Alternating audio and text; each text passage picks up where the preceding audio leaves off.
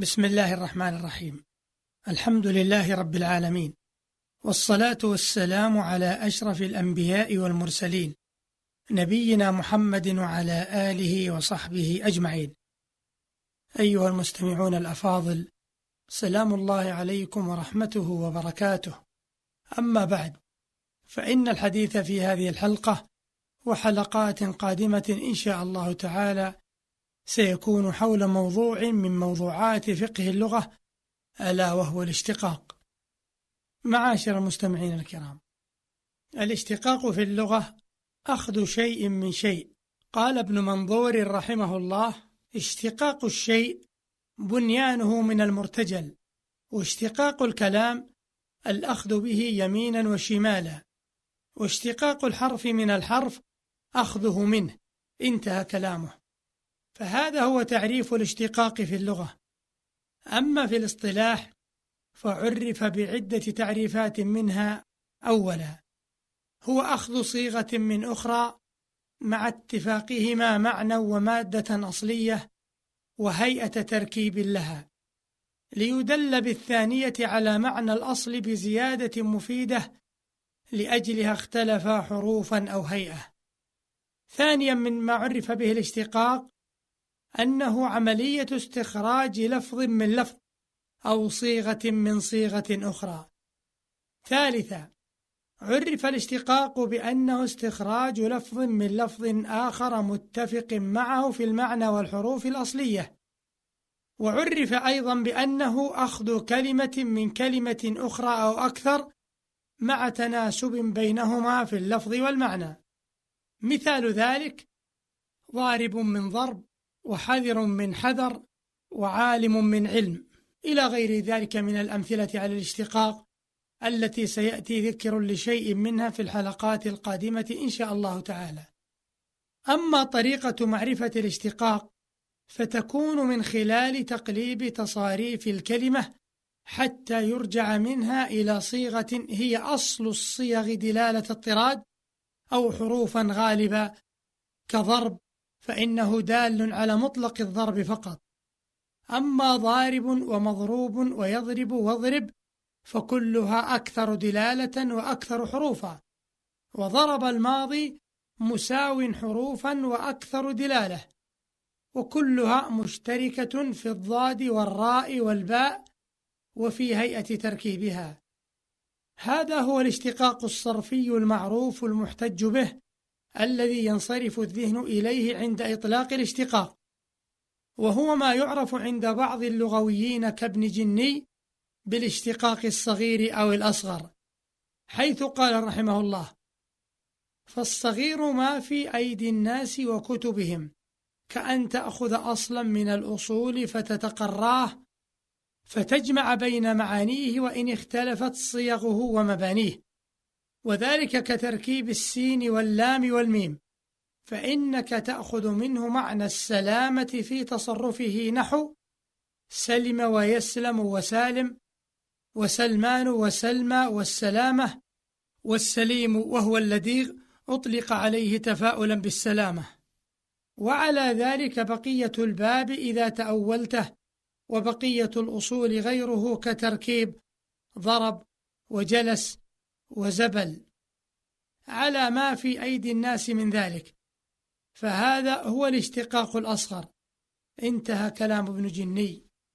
ومن خلاله يتبين لنا طريقة معرفة الاشتقاق. معاشر المستمعين الكرام لقد اختلف العلماء في وقوع الاشتقاق في اللغة على أقوال. قال السيوطي رحمه الله في المزهر واختلفوا في الاشتقاق الأصغر.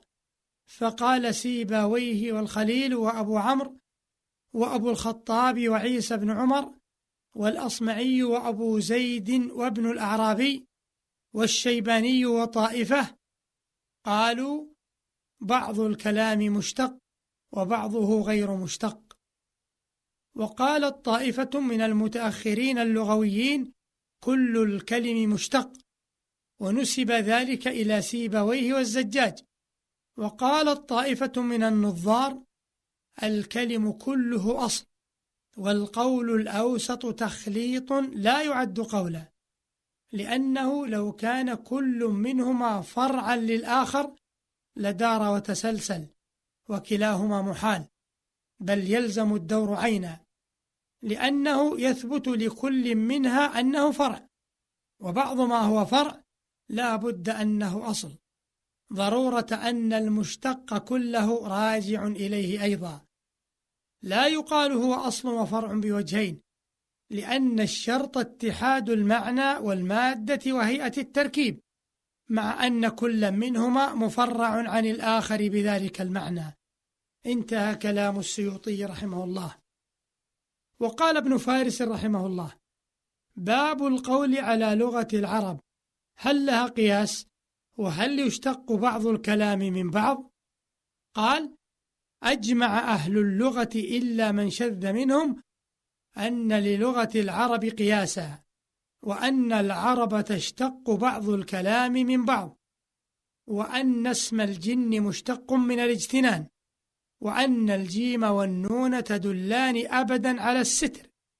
تقول العرب للدرع جنة وأجنه الليل وهذا جنين.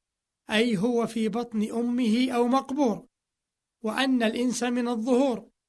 يقولون آنست الشيء أبصرته. وعلى هذا سائر كلام العرب. علم ذلك من علم وجهله من جهل. قلنا والكلام لابن فارس وهذا أيضا مبني على ما تقدم من قولنا في التوقيف. فإن الذي وقفنا على أن الاجتنان الستر هو الذي وقفنا على أن الجن مشتق منه وليس لنا اليوم أن نخترع ولا أن نقول غير ما قالوه ولا أن نقتبس قياسا لم يقيسوه لأن في ذلك فساد اللغة وبطلان حقائقها. ونكتة الباب أن اللغة لا تؤخذ قياسا نقيسه نحن الآن. انتهى كلام ابن فارس. وقال ابن دحية في التنوير الاشتقاق من أغرب كلام العرب وهو ثابت عن الله تعالى بنقل العدول عن الرسول صلى الله عليه وعلى آله وسلم لأنه أوتي جوامع الكلم وهي جمع المعاني الكثيرة في الألفاظ القليلة. فمن ذلك قوله فيما صح عنه يقول الله أنا الرحمن خلقت الرحم وشققت لها من اسمي. وغير ذلك من الأحاديث. انتهى كلامه. أما أكثر العلماء كلاما على الاشتقاق فهو ابن جني كما مضى النقل عنه وكما سيأتي. وإلى هنا ينتهي وقت هذه الحلقة وللحديث صلة في الحلقة القادمة إن شاء الله تعالى. والسلام عليكم ورحمة الله وبركاته.